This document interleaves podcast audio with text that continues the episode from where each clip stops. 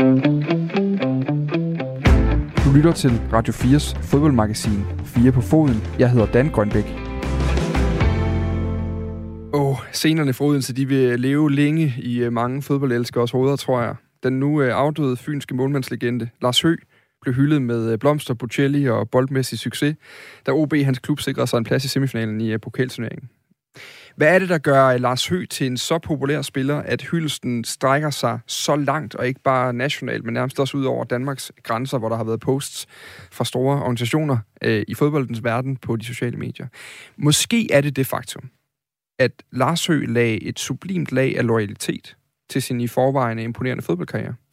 Han repræsenterede aldrig andre end sin hjemstavnsklub OB 817 gange eller måske 817 gange, fordi han har stået så mange kampe, at selv sportsredaktøren på Fyns Stiftstid, Leif Rasmussen, er i tvivl om, hvor mange kampe han egentlig har spillet for OB. Men 817 gange, lad os bare arbejde med det, stod han bag resten af striberne, når de øh, udkæmpede fodboldslag øh, alle steder fra Santiago Bernabeu til Superliga-stadions hjemme i Danmark.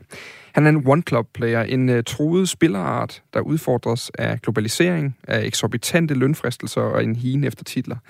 Indklubsspilleren bliver i en ny bog beskrevet med kærlighed og med mismod, og i dag skal vi i Fire på Foden undersøge, om de egentlig er på vej væk, og hvad det i så fald kommer til at betyde for selv hærdede fodboldfans, som får mange penge om ugen for at stå og holde øje med fodbold hver eneste dag, og alligevel kan blive lidt ramt, når man tager hjem om eftermiddagen. Hvad kommer det til at betyde for os alle sammen, at en spillers loyalitet er blevet så flygtig, som den er? Velkommen til Fire på Foden om den nye bog, Den Unikke Klub. Pænt goddag, Kenneth Dansen. Pænt goddag, Dan. Stor fornøjelse. I lige måde. Fodboldkommentator, fodboldjournalist hos øh, mange medier. TV2 kender mange nok fra din stemme. Jeg kender den primært fra Mediano. Ja. Jeg lytter til dig rigtig mange timer, inden jeg fandt ud af, hvordan du ser ud. Ja. er det du er, en god eller en dårlig oplevelse? Jeg synes, det er en fin oplevelse indtil videre. det er godt. Ja, vi er jo også i den samme, samme, samme alder, sådan cirka, med, øh, med små børn og sådan noget, så vi, vi går bare generelt rundt og ser sådan lidt komponeret ud i år. Ja. Ja. Ja. Du er forfatteren bag Den Unikke Klub, som du jo faktisk står med her nu. Endelig er den kommet fra, øh, fra trykken en ud af to eksemplarer, jeg har modtaget nu. Jeg ved, at min bedre halvdel har taget imod en palle af bøger derhjemme, så jeg glæder mig til, Mens glæder, står her? glæder mig til at lave udsendelsen her. Jeg glæder mig også til at komme hjem og se uh, de der 200-300 bøger, jeg har fået på privatadressen i mellemtiden. Der er 52 minutter og 30 sekunder, til du får lov til at smutte, så kan, du, uh, så kan du komme afsted bagefter. Det kan jeg lige klare. Ja, det er godt. Det er jo en bog, der sætter en uh, startelver, bare lige for at riste op for dem, der ikke har fået lov til at kigge på presmateriale og sådan noget, men den sætter simpelthen en startelver i One Club Players. Altså det, der, der er alle de navne, vi alle sammen kender, altså Giggs, Maldini, uh, Totti, Puyol. Øh, men så kommer de også i, i altså sådan navne som, eller i kategori med sådan navne som øh, sådan fodboldhipster godt kender, sådan en Lev Yashin, den russiske Puma, og, eller Panda var det vist nok, han blev sammenlignet med.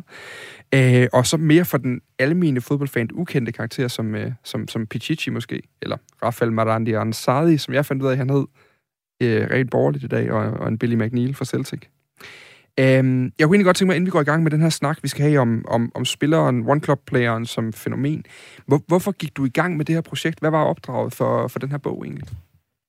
Jamen, for to år siden tror jeg, jeg fik nogle, nogle idéer, og har egentlig altid også haft det for vane at gå og skrive forskellige ting ned, og det så bare blive sådan nogle uoverskuelige noter om alt muligt, og har altid fået at vide af mine redaktører rundt omkring i mit freelance-liv, at det måtte gerne være lidt kortere, det jeg skrev og sådan noget der. Jeg har, jeg har lidt en tendens til, at det bliver lange smør, og så sidder der nogle redaktører klokken et kvarter før deadline og hiver sig i håret og skal ret til og sådan noget der. Så, så jeg tror egentlig, jeg har vidst et stykke tid, at der godt kunne ligge øh, et, et long read i et bogformat. Øhm, og så kom den her situation med Lionel Messi øh, for i sommer, hvor han øh, ligesom gik ud og sagde, at han gerne vil væk fra den klub, han havde spillet i, øh, siden han var 16 år gammel, FC Barcelona.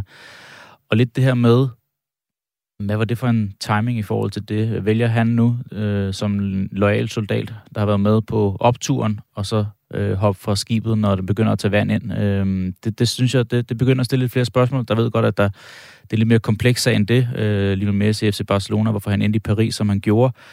Men det fik mig til at tænke nogle, nogle tanker omkring, hvad er det, fodbolden egentlig er blevet til? Øh, og det kan også godt virkelig hyggeligt for mig selv, som, som selv sidder og kommenterer fodbold, og også selv har et freelance-liv, hvor jeg har flere arbejdsgiver, og ja, om det er mandagen, så laver jeg det ene, og tirsdagen laver det andet og sådan noget. Men altså, det er egentlig heller ikke for at pege fingre af, hvor fodbolden bevæger sig hen, men jeg har bare brug for at få sat uh, ord på det.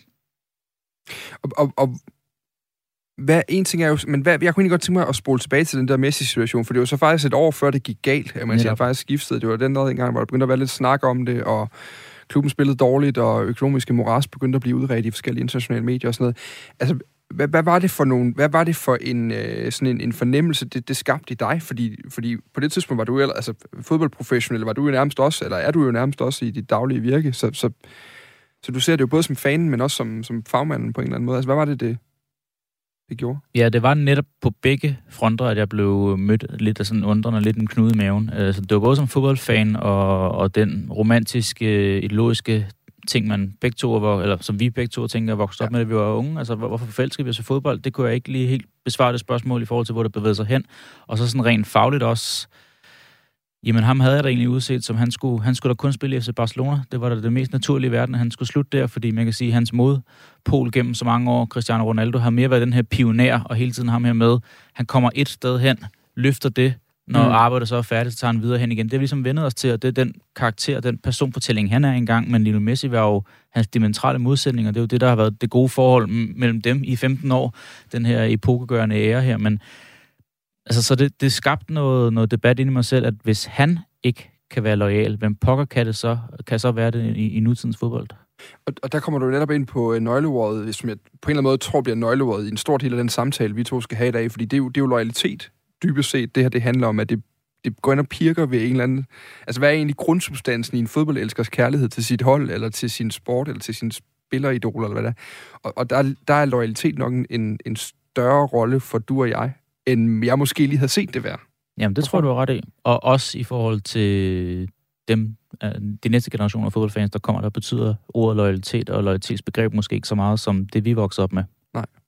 Jeg kan sige, at timen i dag bliver delt sådan op, at uh, Kenneth og jeg, vi, skal, vi fandt jo ud af, da vi sad, og ja, da jeg ringede til Kenneth og siger, gud, den der bog der, den skal vi da have proppet i radioen på en eller anden måde, uh, og det skal vi da lave noget om. Så blev vi i løbet af 10 minutter samtale uh, sent på en uh, mandag uh, sidste uge enige om, at vi nærmest havde samme blik på det. Vi synes, det var en lille smule forfærdeligt, faktisk, at den her uh, spillertype, altså one-club-playeren, indklubsspilleren, er ved at forsvinde fra, uh, fra moderne fodbold. Og uh, så fik jeg så læst mig ind i bogen, Øh, og og, det, og det, den, den er jo, man kan sige, du er jo, øh, det er jo nærmest en, altså der er en prolog og en epilog, mm. hvor det jo nærmest er, øh, at det er en lille smule dystopisk, det billede, du får malet op på en eller anden. Bogen slutter med disse sætninger. øh, nu starter jeg faktisk lige et sekund øh, længere tilbage her nu.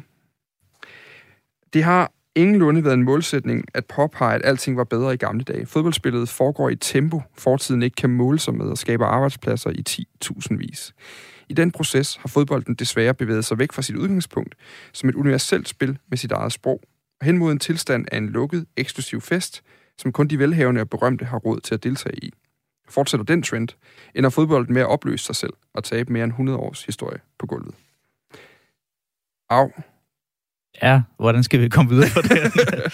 Jamen, altså, hvordan, at, fordi det, det er jo et eller andet sted, det der udgangspunkt for det her, det er jo, at, at du sætter det ind i en ramme, hvor det faktisk, altså man har fornemmelsen som læser, at det gør ondt på dig, at, at den her 11 måske er sværere at lave om 50 år ja. med, med de næste spillere.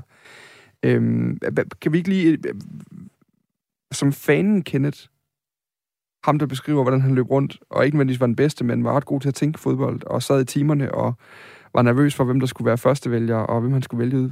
Altså, er der, er der øh, det virker sådan en lille smule øh, øh, modløst. Ja, og det har jeg også været i det forgangne år. Øh, særligt, øh, ja, nu nævnte du noget om mit arbejde på Mediano, øh, Mediano hvor jeg lavede noget omkring European Super League. Øh, det gjorde mig meget... Øh, meget trist. Øh, jeg var faktisk øh, vred i den uge, det stod på. Øh, det har jeg også været med det her forløb omkring øh, VM i Katar. Øhm, og, og for hver nyhed, der kommer omkring det, bliver jeg faktisk endnu mere vred og endnu mere ærgerlig, og kan godt frygte lidt for fodboldens vejen, hvor det er, vi bevæger os hen. For øhm, hvis de øverste beslutningstager øhm, har de agendaer, som de nu engang har, og, og hvad det lader til, at de har, så kunne jeg godt frygte for, hvor at vi er henne. Nu nævner du selv om nogle, nogle tidsrammer, 20, 30, 40, 50 år ud i fremtiden, hvor vi så er henne. Og grunden til, at jeg nævner det, fordi vi to, vi, jeg tror, vi ser lidt, har måske lidt det samme mismod omkring nogle af de her ting her, men hvordan passer One Club-playeren ind i altså de andre ting her, det er jo storpolitik. Altså det er jo simpelthen fodboldens struktur, der er ved at rykke rundt på sig på en eller anden måde. Eller måske allerede er rykket rundt, og det er bare nu, vi opdager det, at der er sket noget, mens vi kiggede væk, eller havde travlt med at se på Messi sparke den ind med venstrelappen, eller et eller andet værk. Altså, hvordan passer One Club-playeren ind i, i det der mismod? Altså, er, er, er det også en, en tendens, der kan gøre dig ked af det på samme niveau som de store ting? At det lader til, at den bliver ja. udvandet mere og mere? Ja, fordi for mig symboliserer det noget af det rene ved fodbolden. Øh, jeg kan nævne nogle eksempler, jeg kan huske fra, fra min øh, tidlige badeferie med mine forældre, hvor at jeg kunne ikke tale spansk eller græsk, eller hvor det var, vi var henne der. Der var en, en 5-6 år gammel, men, men jeg kan huske, at jeg kunne da godt spille fodbold med dem, der var på det pågældende hotel også, øh, fordi at det der universelle i fodboldsproget, ja. at det er der noget, der, der står klarest for mig. Øhm, jeg var med min kærestes lillebror i Vietnam for nogle år siden, hvor at, øh, vi har gået gennem bjergene og frosset og, og fået mad af folk, der ikke har spist i flere dage og sådan noget, og, og fået en ud af kroppen oplevelse omkring det. Så kommer vi hen et sted, hvor der ligger en bold og en, en pløjemark og to mål bare sat op af nogle stolper og sådan noget. Og så var det de gladeste mennesker i verden, fordi de havde fodbolden, og vi kunne spille sammen med dem, også selvom vi kom fra en anden øh, ende af verden. Øhm, så det er jo det, fodbolden kan. Men det kan jeg godt have min tvivl ved, om den kan gøre fremadrettet også, om den kan begejstre unge sjæle og børn på samme måde, som den gjorde, øh, som jeg tænker, du og jeg har forelsket os i fodbolden på. Mm. Vi skal undersøge vores eget, for jeg tror, vi har det lidt på samme måde. Så det er det, vi skal undersøge den første del af programmet. Og så min redaktør, da jeg sagde til ham, øh, du er forresten mand, der kommer Kent Hansen, du kender ham godt, han kommer ind, han har skrevet en ny bog handler om One Club Players. Vi skal tale lidt om, hvor dårligt det går med fodbold i det hele taget. Det tror jeg, det der bliver omdrejningspunkt. Jeg har ikke skrevet spørgsmålene endnu. Så sagde han, øh, det er simpelthen det vildeste vås, jeg har hørt i, jeg ved ikke, hvor lang tid nu. Øh, det der, det er noget pjat. Øh, og hvis du har tænkt dig at lave sådan en hel times romantiker-radio mandag aften, så kan du godt glemme det. Så finder vi på noget andet, fordi det der, det gider jeg ikke nødvendigvis høre på. Så det, han har gjort, det er simpelthen, at han har skrevet en række indvendinger, som jeg har tænkt mig, at vi skal løbe igennem til sidst, og ligesom prøve at få udfordret vores eget standsted. Men jeg synes først lige, vi skal øh, dyrke det en, øh, en lille smule. Altså øh, rigtig hjertelig velkommen til Fire på Foden om, om den her One Club Player, som måske er ved at forsvinde.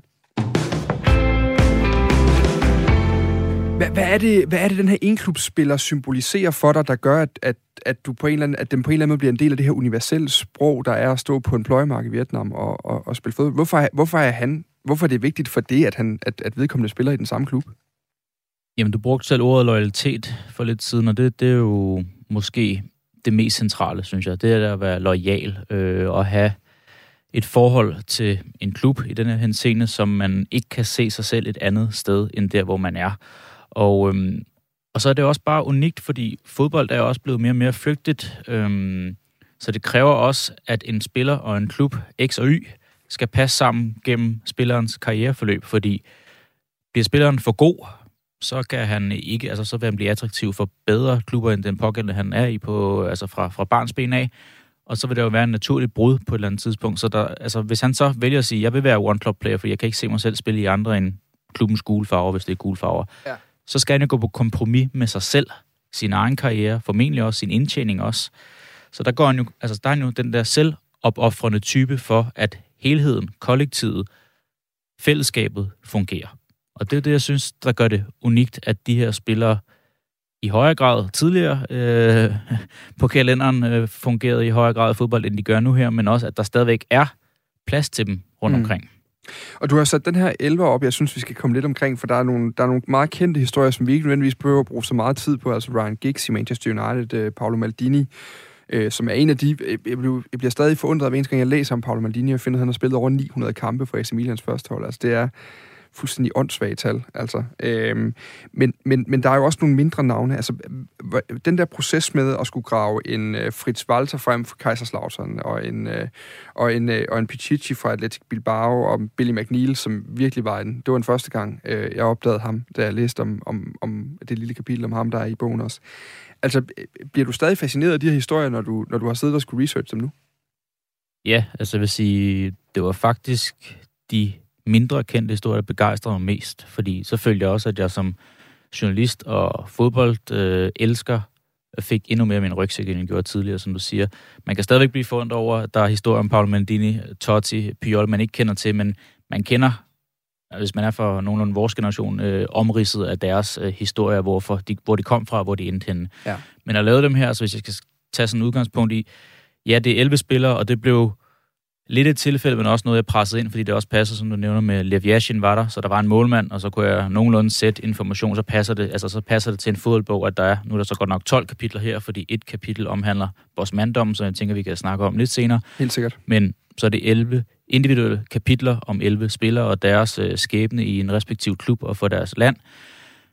Men, men de første var faktisk mest interessante, fordi det var, øhm, det var nyt territorium, det var ny grund for mig at, at betræde og, og, og hoppe ind i, og, og ja, som du siger, Billy McNeil, Josef Boschik, øhm, Pete Kaiser, kendte jeg heller ikke forfærdeligt meget til, da jeg begyndte min grund, grundresearch. Det var ligesom, skulle skalere det ned, starter på en brutotrup på 30 måske, så blev det til 20, så blev det til 15, og så gav det mening med at lave 11 på et tidspunkt. Men for mig, også grunden til, at kapitlerne er opbygget som det er, så er det blevet sådan en, en kronologisk fortælling. Så vi starter ved øh, Petici, slutningen af 1800-tallet, hvor at fodbolden kom på den iberiske halvø øh, til Bilbao, øh, fordi det var en stor havneby, det kom det fra de britiske søfolk. Og så slutter vi øh, i 2017 på Stadio Olimpico i Rom, hvor Totti tager sin afsked. Mm. Så det bliver også en fodboldfortælling over 110-20 år, øh, hvor vi kom fra amatørisme, at det var et sted for at udleve nogle fysiske udfoldelser til den her milliardindustri, som fodbolden er blevet den dag i dag. Men, men jo stadig, hvor der hele vejen igennem er en prissætning, at, at det, at man blev, altså det, at, at der er et, øh, et tilhørsforhold, som man, øh, som man holder ved lige som spiller. Altså Pichichi er jo også, når man slår ham op, øh, er sådan en, man godt kan huske at have set nogle tegninger af det nok formodentlig, i hvert fald nogle beskrivelser af, fordi han jo spillede med det her hvide klæde om hovedet, fordi han var rigtig god til at lave hovedstød. Øhm, øh, øh, det var sådan, øh, jeg vil sige, det var sådan 1900-tallets øh, Simon Skovhjelm, øh, for at være sikker på, at man ikke kom alt for voldsomt til skade. Eller 1800-tallet, så er det så. Men, men, øh, men for, for at kigge helt tilbage der, altså, har det været svært at udvælge nogen? Nu nævner du en brutto på 30. Altså, hvor mange er der af dem her, når du har siddet og lavet grundresearch? Jamen, der er mange, men jeg vil også godt have en kronologi, jeg vil også godt have, at nogle forskellige epoker i fodboldens historie og udvikling blev fortalt gennem det her. Ja. Så for mig var det nærliggende at starte med Pichichi Athletic, fordi jeg kunne fortælle deres særlige historie med kun at have spillere fra øh, regionen i Baskerlandet. Ja. Det, så det bliver ligesom at udpege øh, personerne, men også finde tre-fire karakteristika rundt om den her person, som der kunne være interessant at få fortalt ned også. Ja. Det var typen med, eller tilfældet ved Atletic, ved den her Kantar-politik, der gør, at de kun kan have spillere fra Baskerlandet med. Fritz Walter, hvordan, at han, øh, hvordan de tog øh, en vis lemstil på øh, Ungarns bedste mandskab nogensinde, og vandt den her Das Wunder von, von Bern i, i 54 VM-finalen, ja. øhm, og rejste et, et Tyskland igen efter krigen. Øhm, det var også særligt at få med sig. Ja, Fritz Walders historie er unik, men det han oplevede med Vesttyskland i 54, var måske mere unikt i forhold til, hvad for en stor magt Tyskland blevet efterfølgende igen og komme på fod igen. Øh, og sådan kan man egentlig tage dem op af igen. Øh, der var nogle ting i koldkrigstiden, der gjorde, at øh, Josef Boschik, en ungar, og Lev Yashin, en, en, en sovjetisk målmand, ikke kunne komme afsted, fordi at dengang var fodbolden i Østblokken bygget op, og at det var egentlig statsejet. Ja. Så Lev Yashin repræsenterede øh, KGB øh, og, og politiet, så de kunne bare til hver en tid sige, til franske, øh, tyske klubber, nej, I skal ikke have ham, fordi han er stavnsbundet til, til I her. I kan prøve at komme og hente ham og se, hvordan det går. Ja, hvis det ja. for Boschik tilfælde var det den uh, ungarske her, han var tilknyttet til. Så, så, så det var også nogle interessante historier for med at sige, at det er også det, fodbolden har udviklet sig fra til er der også noget nationalt i det her? Fordi øh, eksemplerne med, med Lev Yashin og, øh, og, og Boschik er jo også interessante, fordi de, de jo ender med at spille i deres hjemstavnsklub. Og det er jo også det, der er med Lars Høgh, ikke? Altså, at du har en øh, Lev Yashin, der spiller i Dynamo øh, Moskva, og, og jeg mener, det er håndved Budapest, øh, Boschik, han spiller i. Ja det, det, det, det, dufter jo lidt af sådan noget landsholdsfodbold nærmest, som jo stadig, der er jo stadig nogle ting omkring russisk, ligesom vi har jo også set håndboldslurunder, hvor man støder på, øh, på russiske landshold, og nærmest spiller på, på hold sammen i hverdagen også. Altså er der også noget, noget betydning af det? Ja, det var jo det, som den daværende øh, ungarske premierminister ville med det der. Han ville øh, gennem, øh, hvad hedder det, værnepligten, ja.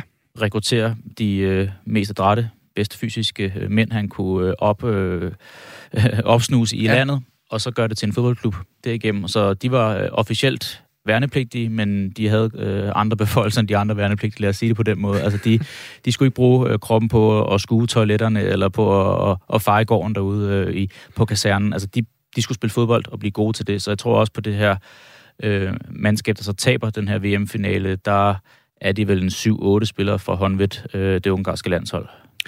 Og så kommer vi til det her kapitel, det 12. kapitel, der er inde for vores mandom. For det næste spørgsmål er jo, hvorfor bliver der så færre af dem her? Fordi det er jo en grundtese, man ligesom har. Altså, at den her spiller bliver måske mere sjældent. I hvert fald, for det er jo også topspillere, vi har her. Det er landsholdsspillere, det er, det er store navne i de lande, de er i. Og man kan sige, at i dag der kan man måske godt finde spillere længere nede i rækkerne, som har spillet hele deres karriere i den samme klub, men, men der er en grund til, at de ikke er kommet videre. Der er måske også en grund til, at man ikke har lagt mærke til dem øh, på en eller anden måde. Så det, er jo, det interessante er jo også, at det her det er, det er spillere, der, der har gjort sig gældende på, på den daværende tid i hvert fald. Hvis ikke øverste, så i hvert fald den, den nationale øverste hylde. Hvorfor bliver der færre af de her spillere? Hvilken forklaring er du ligesom øh, endt ved, efter at have været igennem øh, researchen med, med, jeg ved ikke, hvor mange øh, fodboldspillere fra de sidste 100 år? Ja, man kan sige, der sker jo en, en globalisering fra, at vi går i 80'erne til, at øh, klubberne rundt omkring må have to udlændinge, til så tre udlændinge, til der så kommer fri bevægelighed på baggrund af den her såkaldte Bosman-dom, der bliver øh, stadfæstet i 95, starter et par år for enen med en belgisk spiller, Jean-Marc Bosman, som der Ja, hvordan skal man forklare det? Øh, dengang blev der også skrevet øh, kontrakter med spillere, at øh, startdato ved X, slutdato ved Y, men når den så udløb kontrakten, som man ser nu blandt andet med, med Kylian Mbappé, der om 15 dage kan begynde at forhandle, at forhandle med, med frit med, med dem, han nu engang vil, fordi hans kontrakt med Paris Saint-Germain udløber til sommer, så når han har seks måneder tilbage, kan han forhandle frit. Dengang var det anderledes, at selvom Mbappés kontrakt udløb til sommer, så kunne Paris stadigvæk sige, ah, det bud fra Real Madrid, men jeg siger, det er ikke godt nok, så han er stadigvæk hos os. Det var dy- dybest set et fodboldens stavnsbånd på Helt en eller anden måde, ikke? De var jo låst til klubben i en øh, langt højere grad, end du ser nu her, hvor at, at, at den dom, der faldt i 95, rykkede magten i fodbolden over fra klubberne over til spillerne, og i den grad agenterne, som der så er sværmet til lige siden da. Så, så, og, og, det har så, og så er det jo så bare med vores syn på tingene kun gået nedad øh, lige siden. Det er jo, det, man, skulle, man skulle have holdt dengang klubberne bestemt. Der, det er jo det, vi skal diskutere i hvert fald. Nej, men hvad hedder det? Men, men, men der er vel også, noget af det, jeg har tænkt på, det er, der er vel også en anden form for naturlig udvikling i det her. At, at øh, fodbolden bliver en, er blevet en, en, jo en branche, en økonomi, en, øh, en industri. Nu har vi lige i time 1 øh, talt med en lille bitte klub fra Amager, som ligger i bunden af første division, som nu skal til at forholde sig til en ejer, der sidder i øh, Oregon. Og det er ikke, fordi de ikke er så øh, erfarne i det, fordi indtil videre, der har han siddet i Monaco og været russer og haft et konsortium dernede. Så, så, så den der industri er jo også noget, der er landet ind øh, over de sidste, det er så været 25 år øh, siden Bosmandommen, 26 år siden Bosmandommen bliver, bliver, bliver nedfældet. Altså, er der også bare noget globalisering i det, at man, at man har mulighed for at jagte det større hele tiden? Ja, klart. Øhm, som lige fik skitseret før, det her med fra to til tre udlændinge, var også et, et skridt. Øh, det så man jo kunne, kunne åbne døre for, for udlandske spillere, der kom til de attraktive øh, ligaer. Dengang mest måske den italienske serie, der var størst af slutningen af 80'erne, starten af 90'erne. Så skete der et sceneskift øh, af dimensioner i 92 til Premier League kommer til, og de har en helt anden øh, kommercialisering i deres produkt, for det virkelig spredt ud over også kun de, altså ikke kun de engelske grænser, og få, få gjort de får nogle gode folk ind, der kan få værdi for den, det, det gode produkt, de reelt har. Altså, ja. så, så det bliver stærkt kommercialiseret fodbolden derfra. Og så er det jo bare eskaleret nu her til, det er jo, altså man, man bliver jo ikke farvet, man kan måske til nøds trække lidt til skuldrene, hvis man ser et tysk mandskab stille op med 11 udlandske, altså ikke tyskere i startopstillingen. Det er jo, det er jo efterhånden ikke et, et særsyn i, i, i moderne fodbold. Du var inde på før, at, eller det er du også inde på i det stykke, jeg læste op fra i bogen, at fodbolden er jo, er jo kun blevet hurtigere. Altså, den er blevet hurtigere, den er blevet bedre, vil man også argumentere for. Man går jo altid og diskuterer, jamen, vil en Maradona være en Maradona i dag? Altså, vil han kunne følge med? Vil en Pelé kunne følge med i dag? Og så videre. Øhm, men, men, men den her fodboldens udvikling, altså, er, er, er, det, er det er, er, det, altså, er det et problem dybest set, at den udvikling er jo fortsat, fodbolden er blevet bedre og bedre og bedre, og spillerne de er jo så blevet mere og mere, øh, fordi de er jo kommet ud bredt, og en del af årsagen bag fodboldens udvikling er jo dels, øh, trænere er blevet bedre, faciliteter er blevet bedre, men jo også, at man har mulighed for at samle topspillerne. Altså de kampe, vi bliver præsenteret for, er jo netop øh, Kylian Mbappé øh, mod Cristiano Ronaldo, mod Lionel Messi, og, og så med alle deres holdkammerater, som også er topspillere fra hele verden. Den der fodboldudvikling er den nødvendigvis negativ? Fordi det er jo også den, der har en indvirkning i, i, i historien om club, One Club Players. Øhm, jeg kan svare for begge dele. Ja.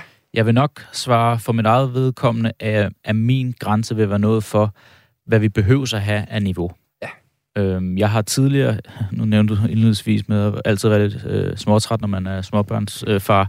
Før jeg fik børn, så jeg meget øh, basketball fra NBA, USA, øh, på lidt skæve tidspunkter, men, men havde stor fornøjelse i det. Og den måde, ligaen har udviklet sig på de sidste 5-7 år, hvor at, at man gik fra at afslutte efter 20 sekunder i et angreb til at være nede på en afslutning per 6., 7., 8. sekund nu her. Altså det går simpelthen for stærkt, fordi de har fundet en, en meta, der hedder, jo højere opskruet tempo, jo bedre. Mm. Og der er jeg faldet fra. Jeg, jeg synes ikke, det er underholdende længere, fordi man har taget forsvarselementet ud. Det gælder simpelthen bare om at skyde, og så ud, altså spillerne spiller ikke engang holdspil længere. De står bare og øver skud, skud, skud, skud, skud, fordi det er det, der går ud på, og så bliver stillingen 153-149 frem for 98-96. Ja. Øhm, så, så for min... For, Ser du det samme ske i fodbolden, altså på det der også? Jeg begynder at se, øh, også med, med Paris Saint-Germain, med Manchester City, og de penge, øh, de får udefra, at, at det bliver mere elitært. Altså, um, tag de sidste 10 Champions League-kampagner, der har jeg, øh, uden at skulle hæve mig selv alt for meget, tilbage i august måned, den første lodtrækning kom, kunne forudsige måske 6 af de 8 kvartfinalister. Det vidste man allerede på forhånd. Så kommer der altid en fed historie, synes jeg. En overraskende historie, hvor underdoggen sparker lidt fra sig og, øh, og viser, at de godt kan byde de store øh, stykke op til dans. Men fodbolden er for mig blevet for forudsigelig. Og det der med, at vi, det er jeg selv med til, øh, grundet min position i mediebranchen også, og for øh, en rettighedshavende tv-kanal, og skulle pumpe kampene op hver weekend til at være unikke, mm. store kampe øh, med de store spillere, de store øjeblikke og sådan noget. For mig kan alle kampe ikke rumme de store øjeblikke. De kan rumme alt muligt andet, som der er lige så interessant i min optik, men vi skal bare lade være med at pumpe alle kampe op til de store og de største begivenheder hele tiden med de allerstørste stjerner. Men det er det, for, altså Paris Saint-Germain, jeg kunne ikke finde et hold for mig, der rører mig mindre, end Paris Saint-Germain gør. At det er sådan et Harlem Globetrotters nu i fodboldens verden. Øh, forskellen er bare, at Harlem Globetrotters er et showhold, der kører rundt i basketball og, og begejstrer med deres boldkunstneri og sådan noget. Paris Saint-Germain forsøger at gøre det i en kompetitiv verden, hvor der også er økonomi og alt muligt andet involveret. Det er sjovt, fordi jeg havde oplevelsen for, øh, det var også øh, øh præ øh, præ-PSG-skiftet for Lionel Messi, mens han i princippet stadig havde fodboldromantikernes øh, stjerner. Øhm, der havde en oplevelse af, at jeg snart havde set ham lave det, lave det mål der. Altså, at, at han, han, han er ubestrideligt den bedste fodboldspiller, jeg har set i den tid, jeg har set fodbold, synes jeg. Men på et tidspunkt, så har man set tricket. Altså, man har set øh, giraffen, man har været i cirkus nok gange, til at, at det jo ikke bliver ved med at være spændende. Altså, og der, der begynder man så at gøre sig nogle tanker om, jamen, hvad er det så egentlig ved fodboldkampen, altså ved, ved selve showet, der er interessant. Øhm, og, og, og der er sådan en saying tit øh, af folk, det er gerne folk, der synes, spansk fodbold er bedre end engelsk fodbold, hvor de siger, hvorfor skal vi hype Burnley Newcastle op til et niveau, hvor alle skal sidde og se den, bare fordi det er en Premier League-kamp. Hvor jeg nogle gange kunne tænke, jamen den vil jeg faktisk næsten hellere se, end jeg vil se en, nu er det så en PSG-kamp. Øh, lad os bare sige, en, øh, nu fik de en, en, jeg mener, de fik Real Madrid i, i lodtrækningen i dag. Ja, I anden omgang. I anden omgang. Real Madrid, jeg har fået Benfica. Nå nej, det blev PSG i stedet for. Øh, hvor, hvor man tænker, ja, jo, det kommer uden tvivl til at være, øh, være på et niveau, hvor, øh, hvor, hvor fodbold øh, tænker og på højt niveau sidder og lapper det i sig fordi der foregår noget på den der bane, der er så vildt. Men jeg er ikke sikker på, at jeg har, der er noget i det, jeg sådan ikke har set før. Nej. Og har, har vi efterspurgt det der med, at spillerne skal øh, kunne løbe de første 100 meter på under 10 sekunder? Sådan. Har vi det på noget tidspunkt? Jeg har ikke personligt, men der er sikkert nok andre, der har. Men, men, men vi har jo efterspurgt at se de bedste matches med ja, de bedste. Ja. Det, det er jo en tiltrækkende tanke som fodboldspiller. Altså kunne se, Messi skulle kæmpe lige op med Ronaldo. Det er jo sådan et narrativ, folk også håbede på, at de kunne bygge op allerede i dag med lodtrækningen og sådan nogle ting. Og, altså, øhm, så, så den der del af det er vel også et, et folkekrav, at man vil se de bedste matches med de bedste. Måske bare ikke hver weekend, eller hver midtuge og weekend også, altså af på, hvad der har gjort mig ked af det. Med Super League og med øh, VM afholdes hver andet år frem for fjerde år. Altså, det vil for mig tage det, øh, det for, for, fortryllet ved, ved en, en VM-slutrunde væk, hvis det skulle øh, ske hver anden sommer frem for fjerde sommer. Vi skal tilbage til vores snak om, øh, om One Club Players, så jeg vil godt tænke mig at komme tilbage til den der loyalitetsting. Altså, øh, da jeg skulle forklare min redaktør, hvorfor jeg synes, det var vigtigt det her, hvorfor jeg egentlig selv øh, nogle gange gik og, og, og, og kæmpede lidt med øh, interessen i fodbold, på trods af, at jeg jo får rigtig mange, øh, eller ikke får rigtig mange, men jeg forbruger rigtig meget min tid på at tænke i fodbold og arbejde med fodbold til daglig, øh, det er, at, at jeg gik og tænkte, men det der egentlig har gjort, at jeg inden for det seneste år måske har set mere landsholdsfodbold, ligesom resten af Danmarks befolkning virker det til, også det her med, at vi er ligesom i samme båd. Altså, de her spillere kan ikke bare skifte nationalitet, når det går skidt. Altså, når, lad os sige, årene mellem 2006 og 2011 øh, for dansk landshold, det var relativt skidt. Øh, men, men der var jo ikke nogen, der smuttede. Det kan de jo ikke. Det er låst. Så spiller du bare ikke på landsholdet, hvis du ikke har lyst til at være med. Hvor, hvor, hvor et forhold til en klubhold, der har man fornemmelsen af, at når det går skidt, jamen, så forsvinder de gode. Og så er der de dårlige, og fansene tilbage. Og så kan vi håbe på, at der kommer nogle gode på et tidspunkt, der kan løfte op. Og så ved man jo, at den der turnus er, at på et eller andet tidspunkt går det dårligt igen. Øhm, så jeg tror, det der fanforhold til, at vi er i samme båd, det betyder også noget. Har du det også sådan? I både ja og nej. For jeg forstår godt den hierarkiske dagsorden, der er i det, men jeg kan måske ikke lide, at den er blevet så udtalt og så langt fra hinanden, som den er. Øh, altså den hierarkiske dagsorden? I forhold til, at man som fan også godt, og det kan jeg sige med, med, med den største respekt, kan være lidt naiv. Og det kan man også godt tillade sig at være, fordi det er hjerteblod, og det er mange penge og mange timer og mange in, øh, interesse ting, man lægger i en given fodboldklub. Så det er okay at være lidt naiv og være lidt forblændet af, hvad det er, man, man går og holder af.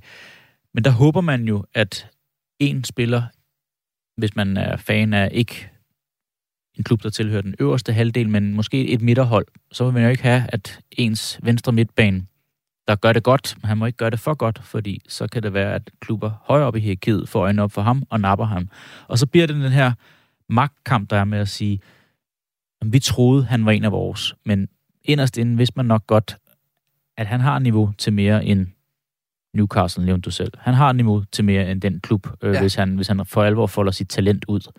Så, så, så, det, så er man jo lidt på lån tid, men det er også fair nok, hvis spillerne bare ikke agerer som nogen, der er på vej i, i en transit, men at man så den klub, man er i, den værner man om, og den sætter man sig ind i klubbens forhold, fortid, fanbase, øh, historik og sådan noget, i stedet for at det virker som, at nogen, der bare er på gennemrejse ind til, at græsset bliver lidt grønnere på den, næste, øh, på den anden side, og man mm. en, en agent er dygtig nok til at finde en ny god aftale et andet sted.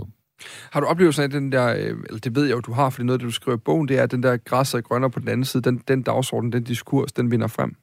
Ja, klart. Øh, jeg, jeg bruger et ord som enkeltmandsvirksomheder. Øh, at, at karriereplanlægningen, og, og det er jo i mange henseender en god ting, altså i hvert fald blevet sådan i erhvervslivet, men for mig i fodboldverdenen kan det godt blive sådan lidt en negativ ting, fordi jeg synes, altså glemmer, og det kan være lige del spilleren, og i særdeleshed agenterne, som jeg får mindre og mindre til års for, jo flere ting jeg læser om den, at det her med græsset og grønner, altså jeg synes, der er nogle agenter, nu siger jeg nogle agenter, der ikke lever op til sit ansvar i forhold til at rådgive ens spillere og ens øhm, folk, man har i folden, godt nok.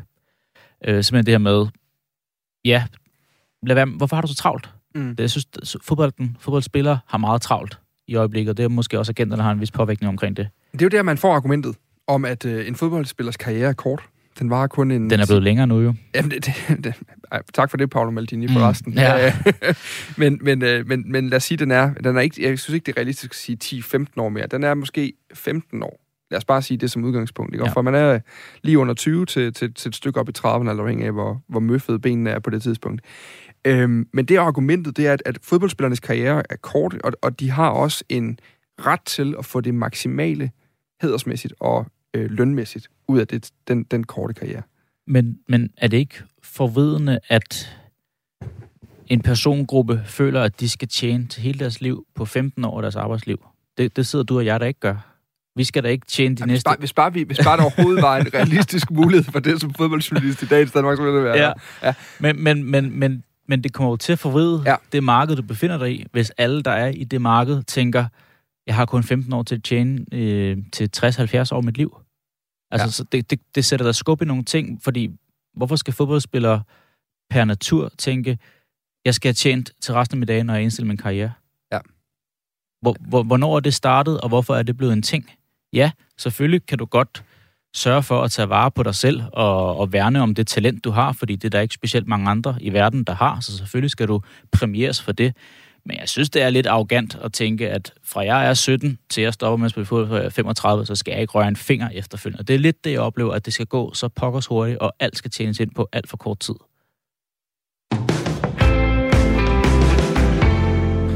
Jeg har besøg af Kenneth Hansen, øh, fodboldjournalist, kommentator hos øh, TV2 og, øh, og, og vært hos øh, Mediano øh, blandt andet, og så også derudover skrivende med, med bylines mange steder. Det er fordi han har skrevet en ny bog, der hedder Den Unikke Klub, som handler om One Club Players i hele verden. Øhm, og, øh, og der er 11 stykker, man kan læse ind i grundige personhistorier øh, af de her øh, 11 mand, og, og blive lidt klogere på alt fra en øh, baskisk angriber med, øh, med bind om hovedet i starten af, af 1900-tallet til Francesco Totti, der, jeg mener, han rundede af med at tage en selfie på stadion, også en af hans sidste jubelscener. Var det ikke ham, der var ude og hente telefonen også? Og, og det var i et, et Rom Derby et par år forinden. Det var, var i 15, tror jeg, det var. Men i hvert fald, øh, som sluttede af på toppen, må man sige, også i forhold til, til fankærlighed.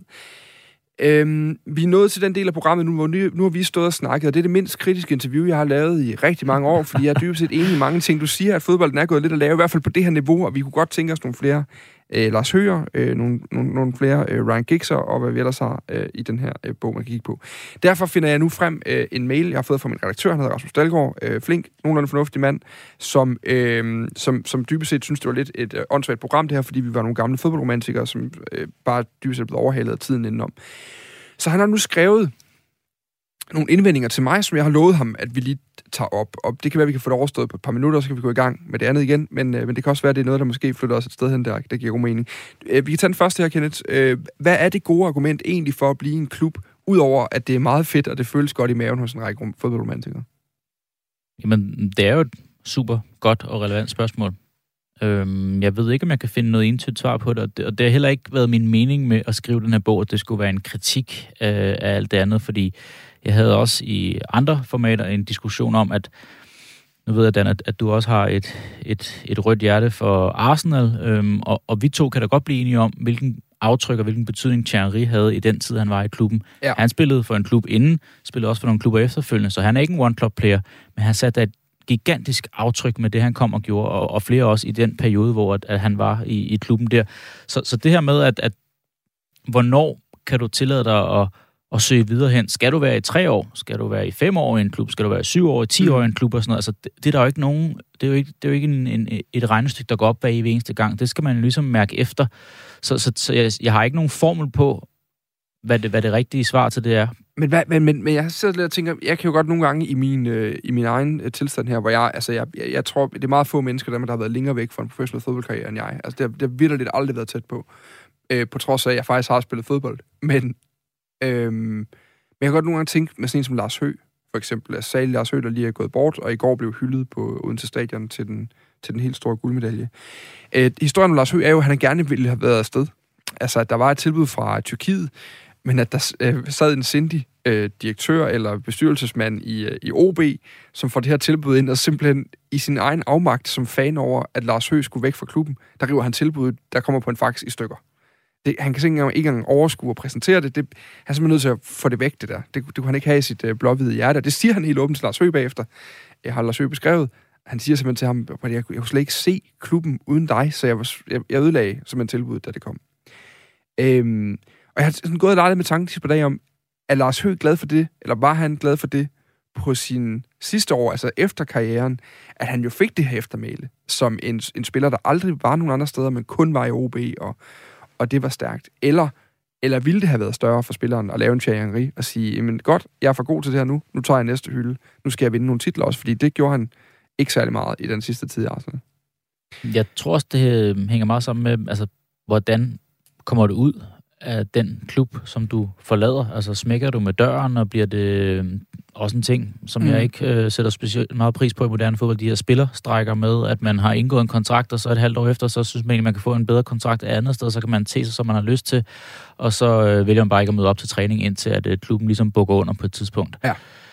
Så det kommer også an på, at gøre det på en ordentlig måde. Men, men hvad vil du... Vil, altså, handler det dybest set også om, at vi to måske bare er lidt nogle bløde typer?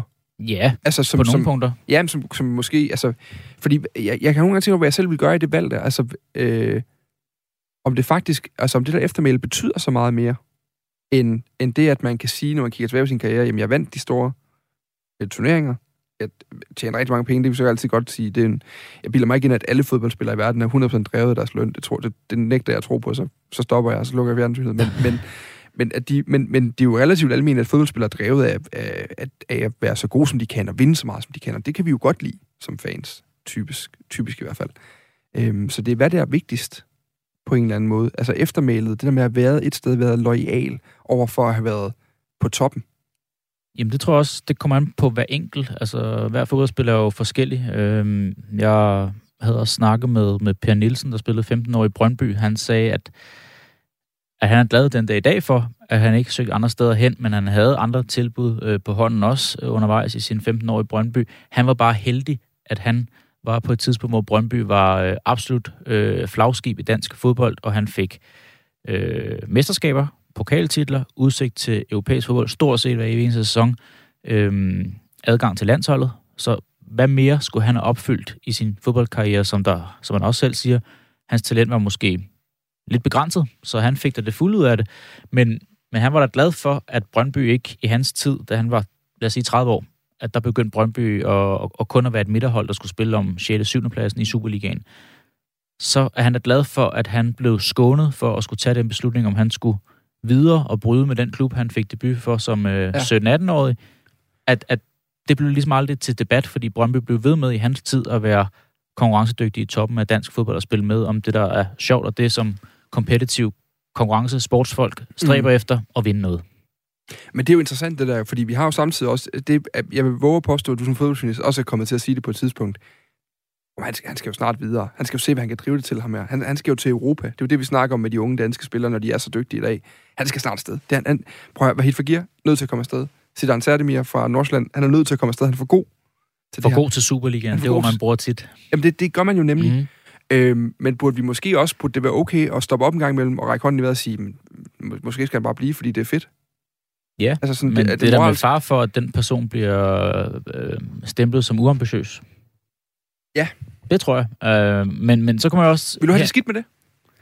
At en, en given spiller blev stemplet som uambitiøs, fordi han ja, eller, siger, eller jeg du, har det egentlig fint her Eller du blev, fordi du rejste hånden inde på Medianos redaktion og sagde, måske, måske skulle han da bare blive. Altså, det der, er det ikke fedt nok at være stjernen i... Var det ikke, jeg tror, det var Karl Holst, der engang sagde, øh, er tidligere regionsrådsformand i Region Syddanmark, og minister også, han sagde engang noget i stil med, og det er frit citeret fra hukommelsen, hellere være øh, konge i en lorteby, end at være lort i en kongeby. Ja.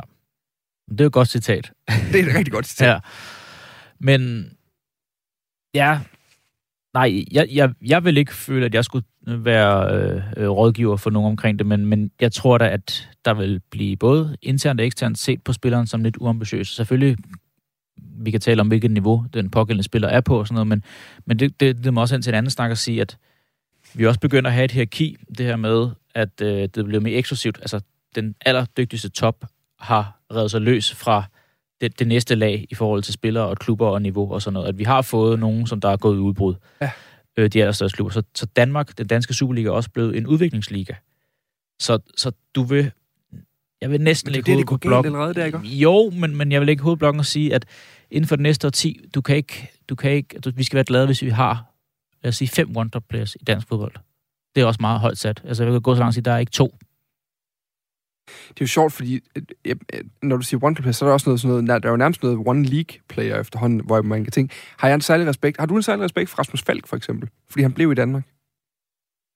Eller... Jamen igen, er det hans helt eget valg der har været muligheder også, øh, og så har han nogle gange måske rettet ind i en skadesforløb, der gjorde, så var det ikke interessant, så han har bygget sig op. Og plus, han er så også havnet i måske landets største klub, øh, i hvert fald set det hen over de sidste 20 år.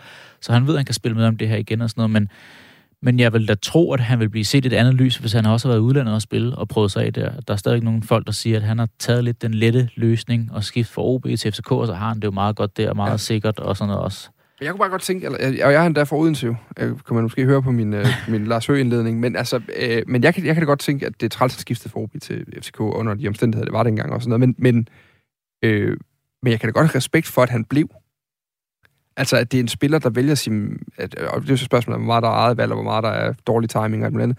Men det der med, at han, han, har, været en, han har bare været en gave til Superligaen igennem en hel karriere nu, og nu er det jo svært efterhånden at se, at han skal hvert fald skal, det bliver ikke, det bliver ikke et sportsligt ambitiøst valg, hvis han skal til udlandet nu, vel? Altså, det, det er ikke sikkert, at det er til en større hylde, som jeg mener, han fylder 30 øh, lige om lidt, hvis han ja. ikke allerede har gjort det. Ikke? Men altså, Dan, vi kigger jo ind i en situation, hvor en spiller på 23 er gammel ja. i moderne fodbold. Også, øh, og så vil jeg tilbage til det her med, det er ikke længere den enkelte spillers frie valg, om han skal være en one-club-player eller ej. Det afhænger også af klubben, han er i, fordi sidder der nogen over i Randers, i Viborg, i Sønderjyske, i Brøndby, og kigger på, okay, ham her, han bliver 25 om en måned. Mm.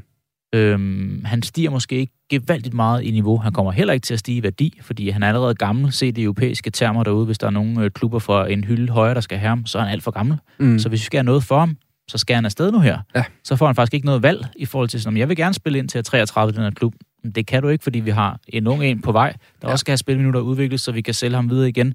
Så den, den, den mulighed er bare meget unik, og skal opstå i særdeleshed i ligaer som, som Danmark og nogle af dem, som vi ligger og kæmper med. Hvis, øh, der er en mere fra redaktør Rasmus her. Mm. Hvis du bliver tilbudt langt flere penge for at udføre det nøjagtigt samme arbejde, som du gør i dag, vil du så ikke tage pengene og gøre det et andet sted? Jamen, det er jo det, det er jo et mega godt spørgsmål, og især når jeg også har stået i andre udsendelser og prædiket omkring øh, tidligere topspillere, som jeg ikke har specielt meget sympati med længere, der nu er ambassadør nede for VM i Katar, og tænkt, hvorfor har David Beckham, hvorfor har Samuel Eto'o, hvorfor har Cafu, måske en af mine største helte øh, fra min barndom, Oh. behov for at skulle tage de penge på og iføre sig en dum hjelm og stå som om de er nogle af stadionbyggerne dernede og overhovedet ikke er der og fløjet hjem en time efter igen. Altså hvem er det, de prøver at snyde? Men jeg kan jo ikke sætte mig ind i at have fået det tilbud og sagt 150 millioner dollars hen over 8 år. Vil du være ambassadør hernede? Det kommer øh, lille mig jo aldrig nogensinde til at få det valg. Så jeg kan nemt stå og være hyklerisk og, og pege fingre af andre folk. Så for at besvare det spørgsmål, jo, det vil jeg måske nok. Mm. Jeg vil i hvert fald ikke fejre det af bordet med det samme, men jeg vil nok overveje det. Og det vil nok også komme an på, i hvilken kontekst det nu engang var. Ja. Og hvorhen det var. Jeg synes, den er svær. Den er mega svær. Og det er da totalt Men det er jo fordi, nemt det er også fordi, det, sætter, det sætter idealisme over for sådan helt praktiske øh, dagligdags ting, som øh, hvilken frihed vil mig og min familie kunne have for flere penge. Ja. Men jeg synes så alligevel, det der er indvending, det er, at hvis du fik 150 millioner dollars af, uden at vide særlig meget om din private økonomi, Kenneth, så er jeg ret sikker på, at det vil gøre en større forskel for dig, at du fik 150 millioner dollars, end det gør for David Beckham. Jeg er ikke tror sikker på, at han går ud og køber et nyt hus, eller en ny bil, for den sags skyld. Jeg tror måske bare, han sætter dem på bogen. Jeg tror ikke, han kan få et hus for 150 millioner Ja, dollars. det, Nå, det er det, altså, du ved, og det er det, jeg nogle gange godt kan have, at øh, jeg, tror, jeg tror måske, det er der min, min apati over for den der, det der evige amokløb om, at, at spillere, der spiller i... Nej, men det er et meget godt eksempel med Lionel Messi. Øh, eller med, måske endda med yngre spillere, altså sådan folk, der er på det niveau, hvor de tjener i hundredvis af tusinder om ugen for at spille fodbold. Det sted, de er nu. At det bliver brugt som et argument, der hedder, han skal, han skal, han skal jo op, han skal jo sikre sig. Men han er, han er jo, prøv, han er jo længe sikret. Altså, vi er langt ud over økonomisk stabilitet eller sikkerhed her. Vi, vi er langt ud over at snakke om redningsnet og alt muligt andet værk. Altså, du ved, hvis han bare gør det nogenlunde ordentligt, så kan han leve af renterne øh, fra nu af og til, uden at skulle løfte en finger. Så den der med, at man, at man ligesom accepterer for fodboldspillere, selvfølgelig søger de også at maksimere deres profit. Mm, Ja, men det er bare ikke fattige mennesker, der prøver at blive rige. Det, det, det er superrige, der prøver at blive altså sådan endnu mere superrige. Og så er vi tilbage til Det tror jeg starten. udvander argumentet lidt for mig. Ja, og så er vi tilbage for mig at starte med, at så er det ikke et universelt spil længere. Nej. Det er ikke et spil for alle. Nej, hvad, hvad, nej ikke på det Men niveau. det skal det jo... Altså, Men skal det være det? Det er jo så det nej, næste gode nej, spørgsmål. Nej, altså, nu bliver vi bløde igen. Altså, nu, nu, nu, nu, nu, nu er vi hæng- ved at hænge os op på det kors, som vi Ja. har malet. ja, det må øh, vi gøre. øh, og sige, det skal det heller ikke være, fordi det er, jo, det er jo en industri også. Det må vi bare acceptere, og det vil jeg egentlig også gerne acceptere. Det er ikke noget med det at sige, at vi ikke tilbage til amatørismen, og at vi skal øh, ja, alle sammen mødes med en bold om armen nede i parken, og så er det den måde, at der skal afgøres, hvem der er Danmarks bedste fodboldhold på. Altså det, overhovedet ikke, fordi det, som jeg også skriver i bogen også, det skaber 10.000 vis af arbejdspladser, det her. Det, altså, tænk, hvor, hvor stor en rækkevidde nogle af fodboldklubberne har i forhold til også ja, engagere sig i, i samfunds- og sociale øh, ting også nu her. Og sådan noget. Så, så det er en kæmpe maskine, og den vil jeg på ingen måde stoppe. Jeg vil måske prøve at bremse den en lille smule. Mm. Det kunne jeg godt ønske mig. Tror I, loyaliteten går begge veje, skriver Rasmus. Hvis du får et formdyk eller andet, der gør, at du ikke længere kan spille lige så godt, er det så forventeligt, at klubben beholder dig alligevel? Og hvor står man som fan i den situation? Vil man ikke som fan bare af med spilleren så, hvis ikke han er dygtig nok til at bringe holdet fremad? Altså lige meget om han er vokset op i klubben, hvor, hvorfor skal spilleren så være lojal? Kan han forvente det samme af klubben, og af dig og mig? Og du kan dele spørgsmål op i flere ting. Jeg er ret sikker på, at fans, at spillere, der er lokalt forankret, kommer op for ungdomsakademiet, er måske fra samme by, som øh, fodboldklubben har hjemme i, har længere snor end en armener en for øh, Finland, der er kommet til. Mm. Det tror jeg. Altså det, det, og det kan jeg sagtens sætte mig ind i. Hvorfor? Ja. Fordi der får fansene fuld valuta på ethos og pathos i forhold til, det er den lokale knægt. Det kunne lige så godt have været mig, kan de stå med en fadel øh, øh, person 1 til person ja. 2 og sige, det kunne lige så godt have været mig, hvis jeg bare havde lagt min stil lidt om, da jeg var 15 år. Og så kan, man leve, været. så kan man leve lidt i den illusion. Og Ja. det er jo også det, fodbolden kan. Skabe illusioner, som så kan blive bristet, eller man kan vente blive nøje til.